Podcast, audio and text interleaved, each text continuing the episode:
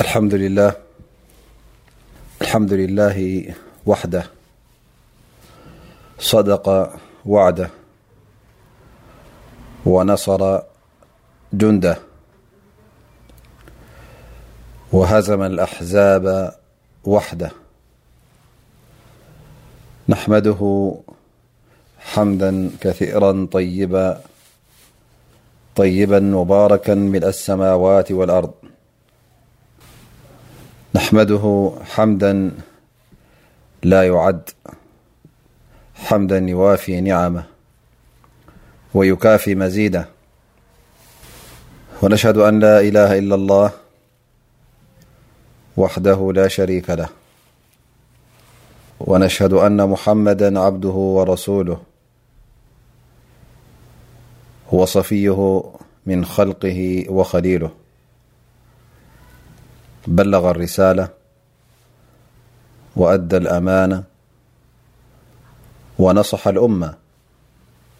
وجاهد في الله حق جهاده حتى أتاه اليقين فصلاة ربي وتسليماته عليه وعلى من سار على نهجه واتبع هداه واقتفى أثره إلى يوم الدين أما بعد خبركم زخبركن تختاتلت زي مدب زي السلام عليكم ورحمة الله وبركاته إن شاء الله تعالى لومي درسنا شرح أحاديث رياض الصالحين حد شرأست حزنا خنقربينا از أرأست زي نتي بل باب قضاء حوائج المسلمين بضاء حوائج المسلمين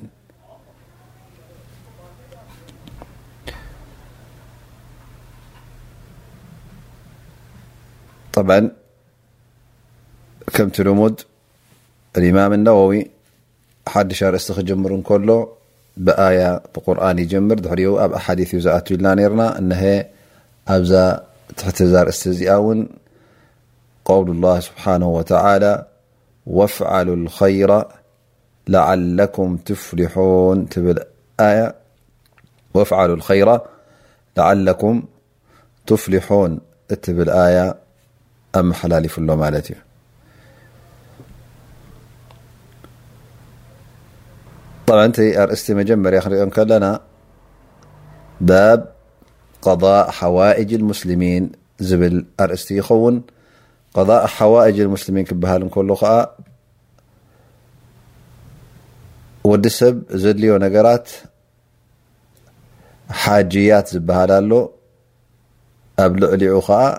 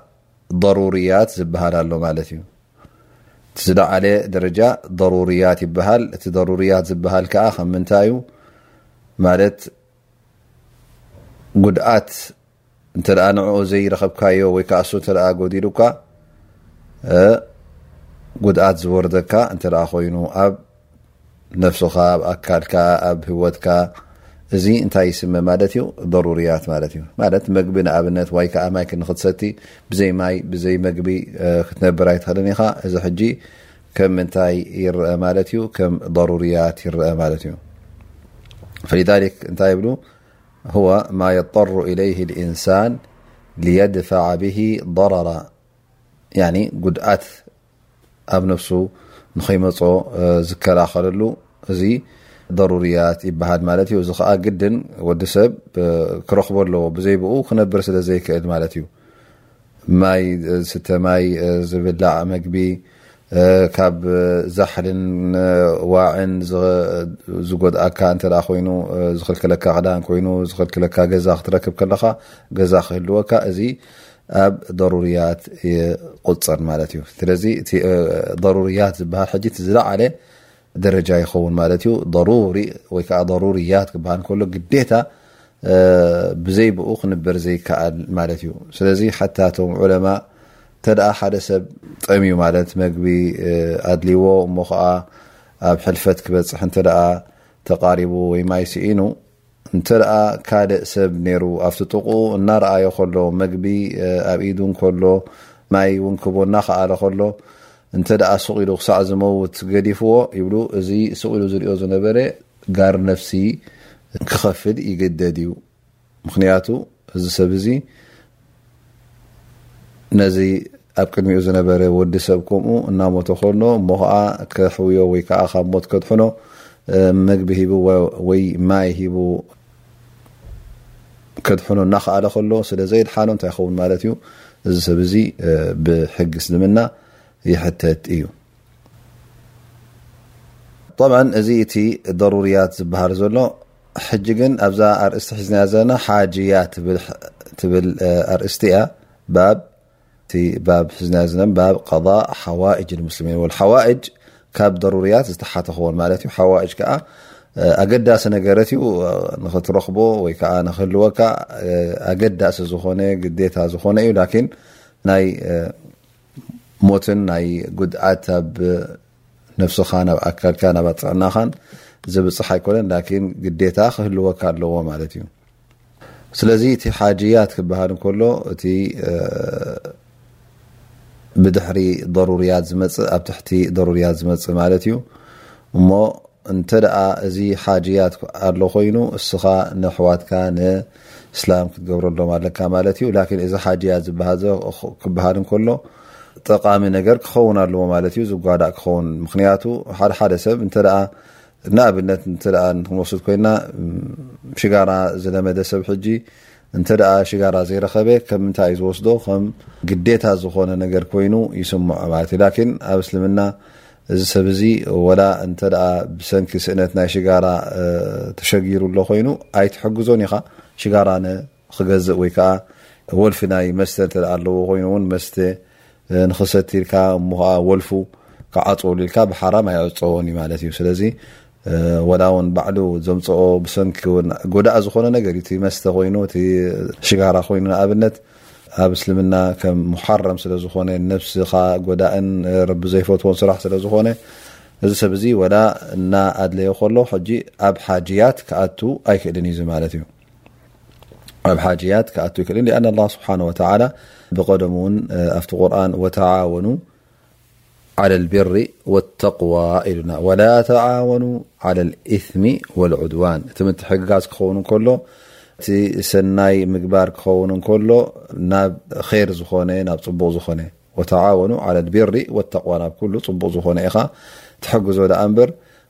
ናብ ንዕኡ ዝጎድእን ንዕኡ ሕማም ዘምፅእን ኣብኡ ኣይ ክትሕግዙ ከምበል ዑለማ ኣብሉ ሓታ ወላ ኣቦኻ እንተ ኮይኑ ሽጋራ ምፃለይ እንተ ኢሉካ ወላ ይቆጣዓልካ ከተምፃሉ የብልካን ሊኣኑ ቢረል ዋልድ ክክበሃል እንከሎ እቲ ቢረል ዋልዴን ብሓራም ኣይኮንካን ትገብሮ እንታይ ደኣ ብሓላል ክትገብሮ ኣለካ ማለት እዩ ምክንያቱ እስኻ እንተ እዚ ጎዳኢ ነገራት ከም ሽጋራ ኮይኑ ከም መስተ ኮይኑ እተ ዘይገበርካሉ ንኼር ኢኻ ትድግፎ ዘለኻ ደኣ እምበር ንሕማቕ ነገር ንክፍኣት ኣይኮንካን ትድግፎ ዘለኻ ስለዚ ከምዚ ክርከብ እንከሎ ወላ ካብ ቢረል ዋልደይ እውን ኣይቁፅርን ይብሉ ሊክ ነቢ ስ ሰለም እንሱር ኣኻካ ዛሊመን ኣው መዝሉመን ክብሉ እንከለዉ እቲ ዓማፂ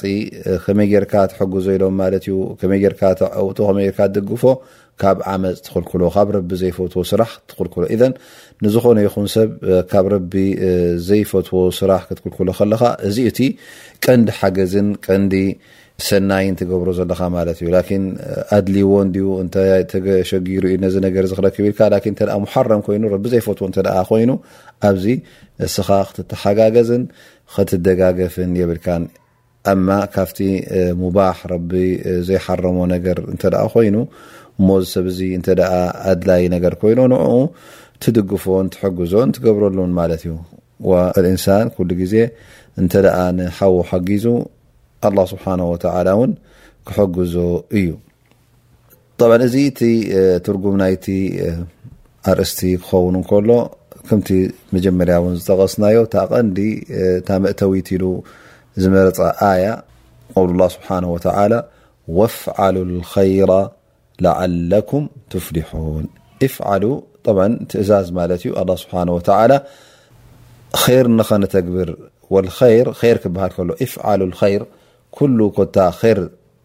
ዝስመ ር ክበሃል እንከሎ ሰናይ ፅቡቕ ነገር ማለት እዩ እሞ ነዚ ሰናይ ነገር ዘብኡ ኩሉ ግበርዎ ኢኹም ምእንቲ ክትዕወቱ ዓለኩም ትፍሊሑን ምእንቲ ክትዕወትዎ ፈላሕ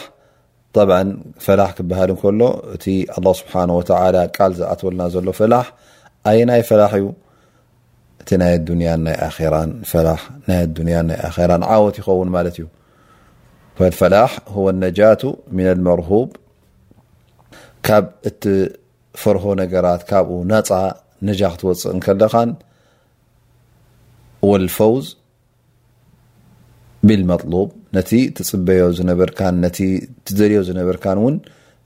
ንዕኡ ክትረክብ ከለኻ እዚ እዩ እቲ ፈላሕ ዝበሃል ወዲ ሰብ እውን ትስላማይ ፈላሕ ክረክብ እንተ ኮይኑ እንታይ እዩ ዘልዘሎ ማለት እዩ ተቐንዲ ካብታ ረቢ ዘጠንቀቐና እሳተ ጀሃንም ካብኣ ክድሐን ከለኻ ናፍታ ትፅቢትካ ጀና እውን ናብኣ ክትኣቱ ከለኻ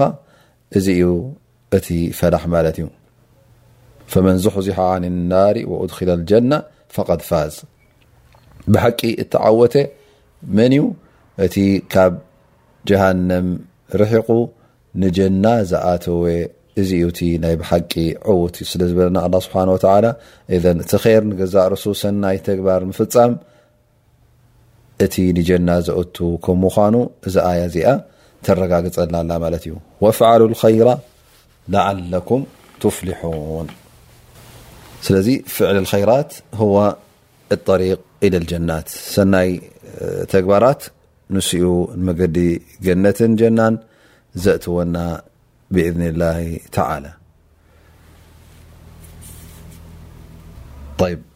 እዚኣ ከም መእተዊ ኮይና ተኣያ ተጠቂሳ ኣላ ማለት እዩ ብድሕሪኡ ሓዲ መበል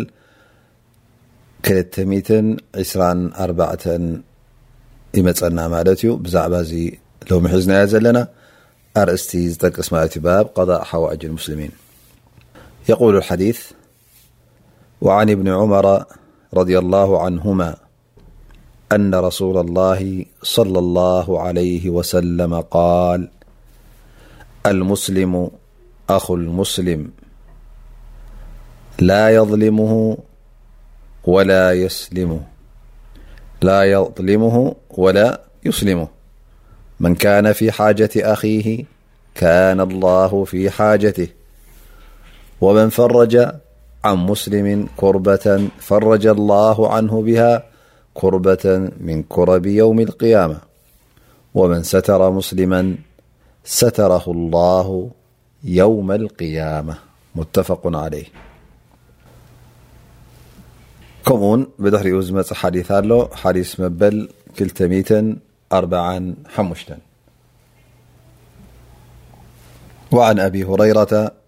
رضي الله عهعن النبي صلى الله عليه وسلم -قال من نفس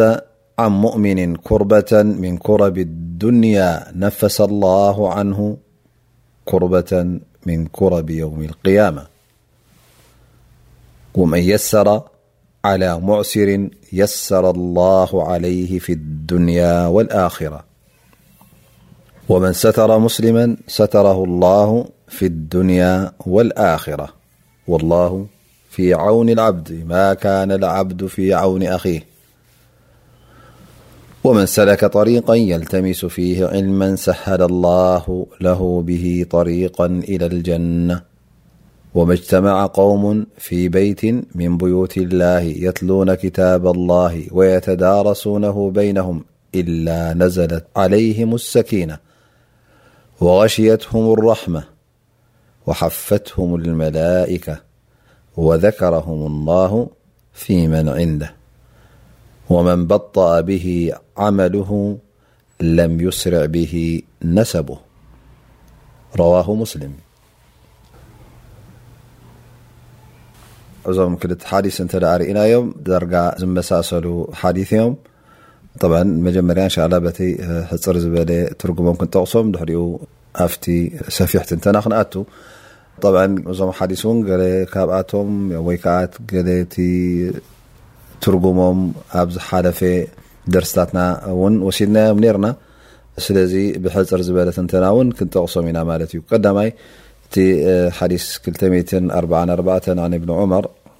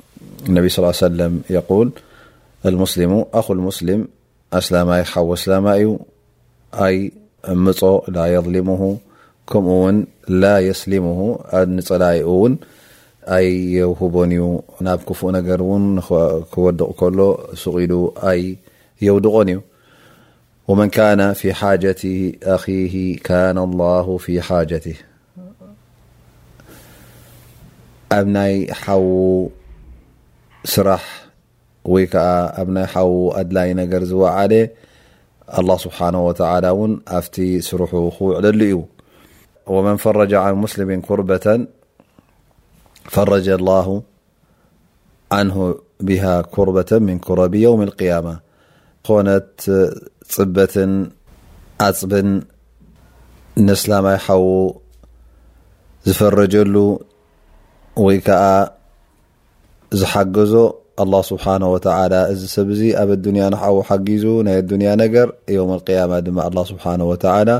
ካብቲ ናይ ኣኼራ ሽግራት ካብኡ ከድሕኖ እዩ ነስላማይ ዝሰተረ ድማ ኣላህ ስብሓነሁ ወተዓላ ኣብ የውም ኣልቅያማ ክሰትሮ እዩ ከምዚ ትብል እታ ሓዲስ እዚኣ ብድሕሪኣ ዘላ ሓዲስ ድማ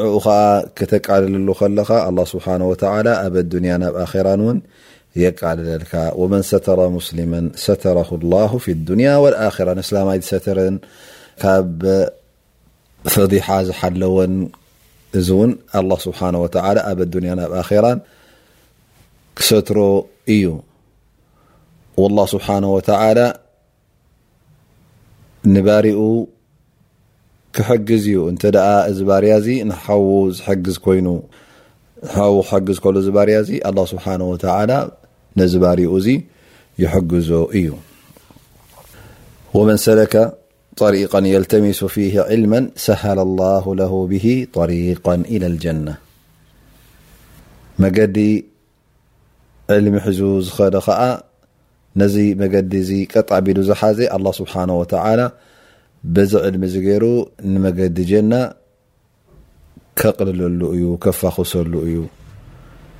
ዝኾن يኾن سባት ن ኣብ ቤت وي ك ኣብ مسجد أكቦም قرن غرኡ ዚ قرن ننحዶም زمههሩن ዞم سባ ዚኦም نبي صلى ع سل يقول وماجتمع قوم في بيت من بيت الله تعلى يتلون كتاب الله ويتدارسونه بينهم إنل عليه اسينةوغيهم الرحمة وحفته ائة الله سبانهوعلى ت كرمعليهم السينةت يورم رحمة ي الله سبانهوتعلى يعبللم يشفنم ملائك بل شنختم يخبوم والله سبحانه وتعالى ኣብቶም መላኢካ ኣብ ላዕለዋይ ደረጃ ዘለዉ እውን ኣብኡ ነዞም ሰባት እዚኦም ይዝክሮም ይጠቕሶም ወዘከረሁም ላሁ ፊ መን ዕንደ ወመን በጠኣ ብሂ ዓመልሁ ስርሑ ዘደንጎዮ ስርሑ ንድሕሪት ዝመለሶ ከዓ ወለዶኡ ንቕድሚት ኣይሰዶን እዩ ወዲ መን ኮይኑ ወዲ እከለ ኮይኑ ኢልካ ወዲ ዓዲ እከለ ኮይኑ ተባሂሉ ብኡ ሽመትን ወይ ከዓ ልእሉነት ኣይረክብን እዩ እቲ ጠቓሚ ኩሉ ግዜ እታ እስኻ ትሰርሓ እያ ማለት እዩ። እዚኦም እዮም እቶም ክልተ ሓዲስ ሎም እንሻላህ ክንወስዶም ሓሲብና ዘለና። ፈነቢ ሰለላሁ ዓለይሂ ወሰለም ኣብዚ ሓዲስ እዚ ከረጋግጾ ደልዩ ዘሎ እቲ ጉዳይ ኣስላማይ ናይ እስላማይ ክኸውን ከም ዘለዎ ኩሉ ግዜ ደጋፊ ክኸውን ከም ዘለዎ ብኡ ክሓትት ከም ዘለዎ እዩ ዘርእየና ዘሎ ማለት እዩ። ከምቲ ዝበልናዮ ገለ ካብዚ ዝጠቐስናዮ መብዝሕቱ ዳርጋ ሓሊፉ ነይሩ ማለት እዩ ሓደ ካብኡ መን የሰራ ዓላ ሙእስሪን የሰረ ላሁ ዓለይህ ፊ ዱንያ ወልኣራ ብ እዚ ዓብዪ ደረጃ ዘለዎ ወይ ከዓ ዓብዪ ዓስቢ ዘለዎ ነገር ይኸውን ማለት እዩ ነቢይ ስለ ላ ሰለም ኣብዚ ሕጂ ንሰብ እንተ ሰናይ ጌርካሉስ እንታይ ዝመሰለ ሰናይ ኣብ ኣዱንያ ጌርካሉ ንዕኡ ኣብ ኣኼራ ድማ ዝበለፀ ሰናይ ክፀንሓካ ዩ ብኡ ክትፈዲ ኢኻ ማለት እዩ ስለዚ እቲ ኣብ ኣዱንያ ትገብሮ ዘለኻ ምስቲ ናይ ኣራ ከተመዛዝኖ ከለኻ ሰማይን መሬትን እዩ ላኪን ኣላ ስብሓን ወተላ በታ ቀላል ዝገበርካያ ብዓቢ ደረጃ ገይሩ ይክሕሰካ ማለት እዩ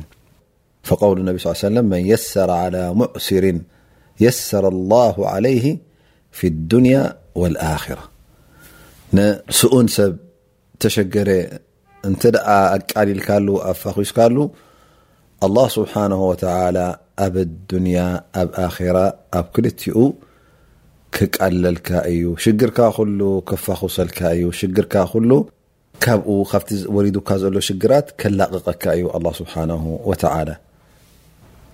በል ካብቲ ነቢ ሰለላሁ ዓለይሂ ወሰለም ዝጠቐሶ ኣብ የውመል ቂያማ ንወዲ ሰብ ጠቓሚ ዝኾነ ነገር ኣላህ ስብሓነሁ ወተዓላ ንሓደ ሃፍታም ማለት እዩ ነይሩ ኣብ ኣዱንያ ከሎ ካብቲ ዝገብሮ ዝነበረ ሕጂ እንተ ደኣ ድኻ ሰብ ስኡን ክእለት ዘይብሉ ንኸፍል እንተ ኣሎ ኮይኑ ነቶም ሰራሕተኛ እብሎም ኣይተሸግርዎ ኢኹም ድሓነይ ግደፍዎ ኢኹም ኣብ ዝጠዓሞ የምፅኣልና ድገቲ ካብኡ ንጠልቦ ዘለና ገንዘብ ኢሉ ከምኡ ገይሩ ይዋሰዮም ወይ ከዓ ይላበዎም ነይሩ ኣብ ዮም ኣልቅያማ ምስ መፀ ካብቲ ዝጠቐሞ ሓሰናት እንተ ኣሎ ኮይኑ እንታይ ነይሩ ማለት እዩ እዛ ዝገብራ ዝነበረ ምስ ተሓተተ ኣብ ዮም ኣልቅያማ እንታይ ኣላትካ ኣመድ ሳልሕ ዝበሃል ፅቡቅ ትገብሮ ዝነበርካ ምስ ተባሃለ ኣነስ ዝገበርኮ የብለይን ላኪን ሓንቲ ነገር ኣላትኒ እንተ ሰብ ስኡን ሰብ ርኤ እሞ ክኸፍል ዘይክእል ዕዳ ንዓይ ክኸፍለኒ ዝግብኦ እንተ ስእነት ወይ ከዓ ሽግር ኣለዎ ኮይኑ ግዴታ ክፈለኒ ኢለ የሸግሮ ይነበርኩን ነቶም ሰራሕተኛይ ግደፍዎ ድሓነ ኢለየ ዝሕብሮም ዝነበርኩ ኢሉ ምስ ተዛረበ ኣላ ስብሓን ወተላ ከዓ ንሕና እውን ይብሎ ከምቲ ንስኻ ከምኡ ጌርካ ትምሕር ዝነበርካ በቲ ትገብሮ ዝነበርካ ነቶም ስኡናት ምምሓርካ ንዓኻ እውን ምሒረካ ኣለኹ ኢሉ ኣላ ስብሓን ወተላ ታኢሉ ኣብታ ዮም ኣልቅያማ ኣፅኒሕሉ ማለት እዩ ስለዚ ሓደ ሰብ እንተ ስእነት ኣለዎ ኮይኑ ኣብ ኢዱ ክእለት ዘይብሉ ንመግቢ ኮይኑ ንመስትኡ ኮይኑ ንክዳኑ ኮይኑ ማለት ነቲ ኣድላይ ኣድላይ ነገራት ዝጥቀም ማለት እዩ በር ንመመላእታ ንመጋየፂ እተ ኮይኑ እዚ ካልእ ጉዳይ እዩ ላኪን እቲ ሰብ መዓስ ዩ ድሽግር ኣብ ሽግር ብሓቂ ኣሎ እትብሎ እንተ ኣብቲ ግዴታ ዘድልዮ ነገራት ናብ ርኡ ብዘይብኡ ክኸውን ዘይክእል ወይከዓ ንሱ ከምኡታት ዘይረኸበ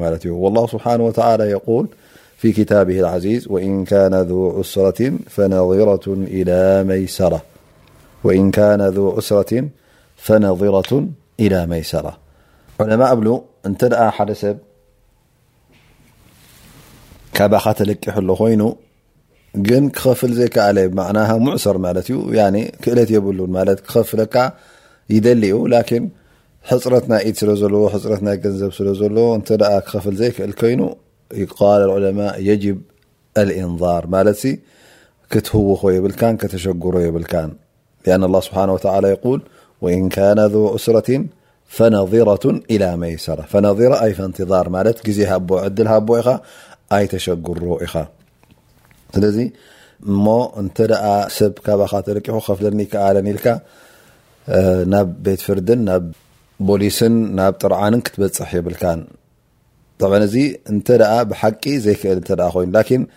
እና ፈለጠ ከሎ እና ከኣለ ከሎ እንድሕር ንሱ ክኸፍለካ ዘይደሊ እተ ኮይኑ እዚ ዓመፅ እዩ ዝገብር ዘሎ ንገዛ ርእሱ እሱ ትዝሰርሖ ዘሎ ዓመፅ እዩ ከማ ቃል ነቢ ለ ላ ለ ወሰለም ሙጥሉ ልገኒ ሉም ሙጥሉ ልገኒ ሉም ማለት ሃብቲ ከለዎ ገንዘብ ከለዎ ንዘረቅሖ ሰብ ፅባሕ ምፀሊ ድሕሪ ፅባሕ ሎ መዓልቲ ከምዚ ኮይኑ እዚ ኣኣ ከምዚኣ ኮይና እናበለ መዓልታት ዘሕልፍ እዚ ሰብ እዚ ዓመፀኛ እዩ ኢሎም እነቢ ለ ላ ሰለም ስርሑ እዚ ስራሕ ዓመፅ እዩ ኩሉ ደቂቅ ኩሉ ሰዓት ትሓልፍ ዘላ ከይከፈለ ከሎ ኣብ ዘንቢ ኣብ ዓመፅ እዩ ዝወድቕ ዘሎ ኢሎም እነቢ ለ ላ ለ ወሰለም ስለዚ ከምዚ ክበሃል እንከሎ እቲ ሰብ እንተ ክእለት ኣለካ ኮይኑ ክዱንግ የብልካ ነቲ ዘደቅሓካ ሰብ ይቀንየለይ ሽኩረን ኢልካ ኣ ትመልሰሉ ኣለካ ግዜኣ እንተ ውስንቲ መዓልቲ ነይርዋ ኮይኑ ኣብታ ግዜኣ ትመልሳ ማለት እዩ ቅድሚኡ ክእለት ረኪብካ ተመለስካዮ ፅቡቅ እንተዘይኮይኑ እንተሓመቂ ኣብታ መዓልታ ትመልሳ ማለት እዩ ካብኣ እተ ኣሕሊፍካያ እናክኣልካ ከለካ ገንዘብ ከለካ ከሎ ክእለት ከለካ ከሎ ካብታ ዝነበረት ቆፀራ እንተ ሓሊፋ ግን እስኻ ሕጂ እንታይ ትገብር ኣለኻ ማለት እዩ ትዕምጽ ኣለኻ ማለት እዩ ኣማ እንተ ዘይብልካ ኮይኑ እቲ ዘይብሉ ከዓ ኩሉ ግዜ ሙት ኣይትብሎን ኢኻ ስለዚ እንታይ ክትገብር ኣለካ ኣንታ ዘለቅሕካዮ ዕድል ክትቦ ኣለካ ኣብቲ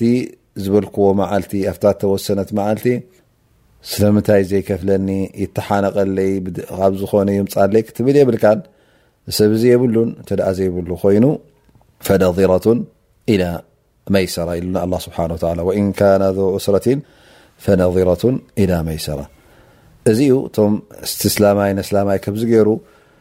በዚ ዓይኒ'ዚ ክርእዮ ከሎ፣ ነንሕድካ እናተረሓሓምካ፣ ነንሕድካ እናተፋቐርካ፣ እናተሳነኻ ትነብር ማለት እዩ። እቲ ናይ ሓውኻ ስእነት፣ ስእነትካ ማለት እዩ። እቲ ናይ ሓውኻ ሽግር፣ ሽግርካ ማለት እዩ። ኣብ ሽግሩ ብዝከኣለካ ክትካፈሎ ኣለካ። እቲ ምክፋል ክበሃል እንከሎ፣ እንተደኣ ክኢልካ ክትከፍለሉ ትኸፍለሉ፣ እንተደኣ ንስኻ ኣለቂሕካያ ድኻ ኮንካ ውን ኣይተሸግሮን ቶሎ ክፈለኒ ቶሎ መለሰለይ ገንዘብ ኣይትብሎን ኢኻ ስለዚ እቲ ሰብ ንገዛእ ርእሱ ኣብዚ ጉዳይ እዚ ክግደስ ኣለዎ ማለት እዩ ጥራይ ናይ ነብሱ ረብሓ ክርኢ የብሉን በል ገለ ሰባት እውን ኣለዎ እዚ ከይኣክሎም ልቓሕ እንተ ንሰብ ሂቡ ካብኡ ውን ጥቕሚ ዝፅበሎ ማለት ሓደ ጣልብ ን ዝፅበሎ እተ ዓመት ገይሩ ክልተ ዓመት ኮይኑ ተ ወሲኹ ዝያዳ ክትውስኻ ኣለካ ክትውስኸኒ ኣለካ ካብቲ ዝሃብኩካ ዝብል እውን ኣሎ ማለት እዩ ስለዚ እንተ ከምዚ ኮይኑ እቲ መስኪን ንገዛ ርእሱ ካብ ዕዳ ከይወፀ ዕዳ ኣብ ርእሲ ዕዳ ወሪድዎ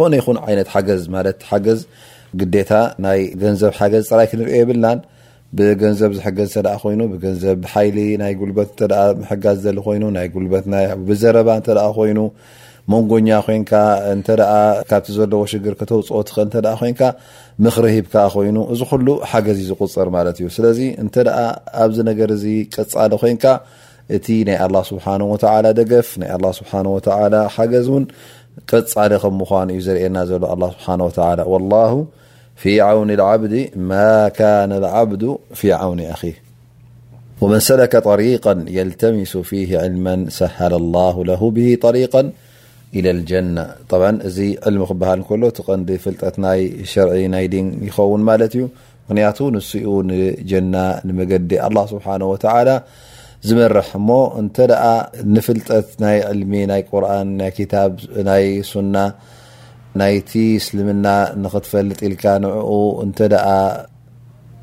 ትምሃር ኢልካ መንገዲ ፍልጠት መንገዲ ዕልሚ እተ መሪፅካ ኣላ ስብሓን ወተላ በዚ ምርጫኻ እዚ በዚ ሒዝካዮ ዘለካ መንገዲ ብኡ ገይሩ ናብ ጀና ብቀሊል ከብፅሓካ እዩ እዚ ዕድሚ እዚ ጠቃሚ ከም ምኳኑ ንጀና ዘብፅሕ ከም ምኳኑ እውን እነቢ ለ ላ ሰለም የብርህልና ኣለዉ ማለት እዩ ሊኣኑ ሓደ ካብቲ ብሉፅ ዝኾነ ስራሓት ወዲ ሰብ ዝሰርሖ ረቢ ዝፈትዎ እንታይ እዩ ዕልሚ ምምዕላም ዲንካ ምፍላጥ ማለት እዩ ምክንያቱ እቲ ጥፍኣት ንገዛእ ርእሱ እቲ ድንቁርና እቲ ዲን ምስሓት ካብ ምንታይ እዩ ዝመፅእ ካብ ጁህሊ ካብ ዘይምፍላጥ እዩ ዝመፅእ ማለት እዩ ስለዚ ነቲ ጁህሊ ዘለካ ነቲ መሃይምነት ናይ ሸርዒ ዘለካ ንዑ ከተጥፍእ እንከለኻ እዚ ብቐንዱ ንጀና ዝሕብረካ ይኸውን ማለት እዩ ሊኣኑ እስልምና ንገዛ ርእሱ ናይ ፍልጠት እስልምና እዩ ናይ ዕልሚ እዩ ናይ ድንቁርና ኣይኮነን እስልምና ሱቂልካ ይገብርዎ ኣለዉ ወይ ከዓ ክገብርዎ ርኤልካ ሱቂልካ ዝግበር ኣይኮነን እንታይ ደኣ ብስነ ፍልጠት ዝተሰነየ ሃይማኖት እዩ ስለዚ እቲ ዕልሚ እንተ ዘየለ ኮይኑ ከመይ ጌርካ ንጎይታ ንኣላ ስብሓን ወተላ ትፈልጦ ክብረቱን ዕዙዝነቱን ከመይ ጌርካ ትፈልጦ እቲ ዝግባእ ስራሓት ከመይ ጌርካ ክትሰርሖ ኢኻ እቲ ሰላት ኮይኑ እቲ ጾም ኮይኑ እንተ ዘይተማሃርካዮ እተ ዘይተዓለምካዮ ሱቕ ኢልካ ይግበር ኣሎ ኢልካ ብጌጋ ዝተገበረን ብጉድለት ዝተገበረ ንዑ እተ ክትገብር እተ ኮንካ ካብ እትዕርዮ እትበላሽዎ ክበዝሕ እዩ ስለዚ እቲ ዕልሚ ኣገዳሲ ስለዝኾነ ነቢ ለ ላ ሰለም እሀ ኣብዛ ሓዲስ እዚኣ የብርሁልና ኣለዉ ማለት እዩ ወየቁል ነቢ ስ ወመጅተማዓ ቀውሙ ፊ በይት ምን ብዩት ኢልና እዚ እውን ናይ ፍልጠት እዩ ናይ ዕልሚ ዝኾኑ ይኹን ሰባት ኣብ ቤት ምን ብዩት ኢላ ኣብ መሳጊድ ኣብ መስጊድ ኮይኑ ኣብቲ ቦታ ናይ ዒባዳ ኮፍ ኢሎም ክታብ ረቦም ንቁርን እናቀርኡ እናተዓለሙ ንንሕዶምን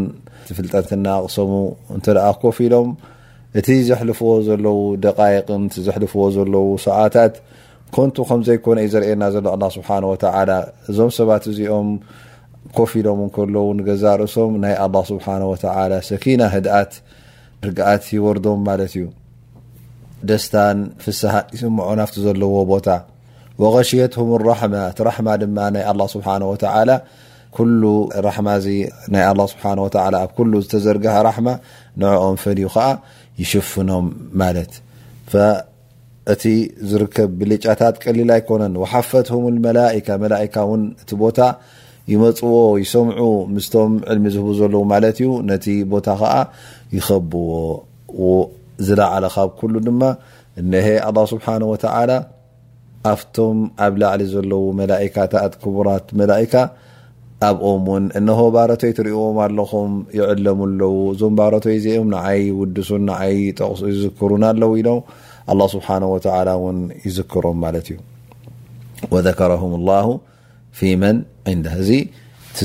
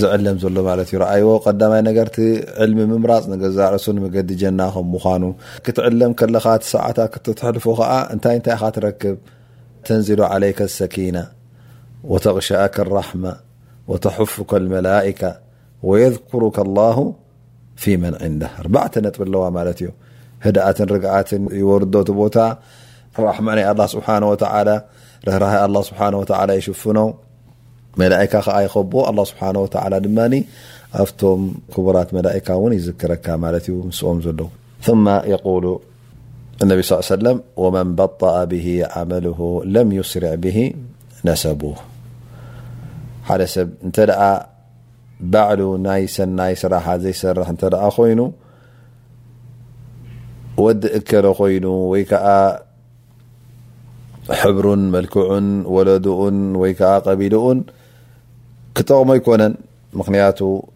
እቲ ንዕኡ ዝጠቕሞ ስርሑ እዩ ስርሑ እንተ ዘይተዓረየ ጥቕሚ የብሉን እሞ ከዓ መን በጣኣ ብሂ ዓመል ኣብ ስራሕ እንተ ዘይተረኸበ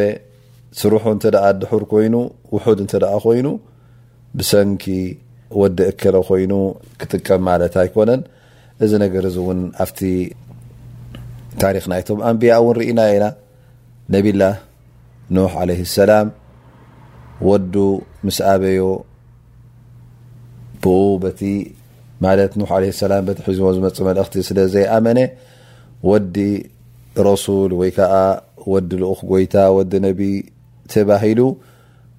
ካብ መዓት ኣይደሓነን እንታይ ደኣ ከምቶም ዝኸሓዱ እቲ መቕጻዕቲ ወሪድዎ ኣብ ኣዱንያን ኣብ ኣኼራን ማለት እዩ ስለዚ ወዲ እከለ ወይ ከዓ ወዲ ነቢ ወዲ ዓልም ወዲ ፉላን ዝጠቕመካ ኣይኮነን እንተ ክጠቕመካ ኮይኑ እቲ እትሰርሖ ስራሕ ንሱ እዩ ዝጠቕመካ ማለት እዩ ወዲ ሰብ እውን ኣብታ ቀብሪ ክኣቱ ከሎ ኩሉ ይምለስ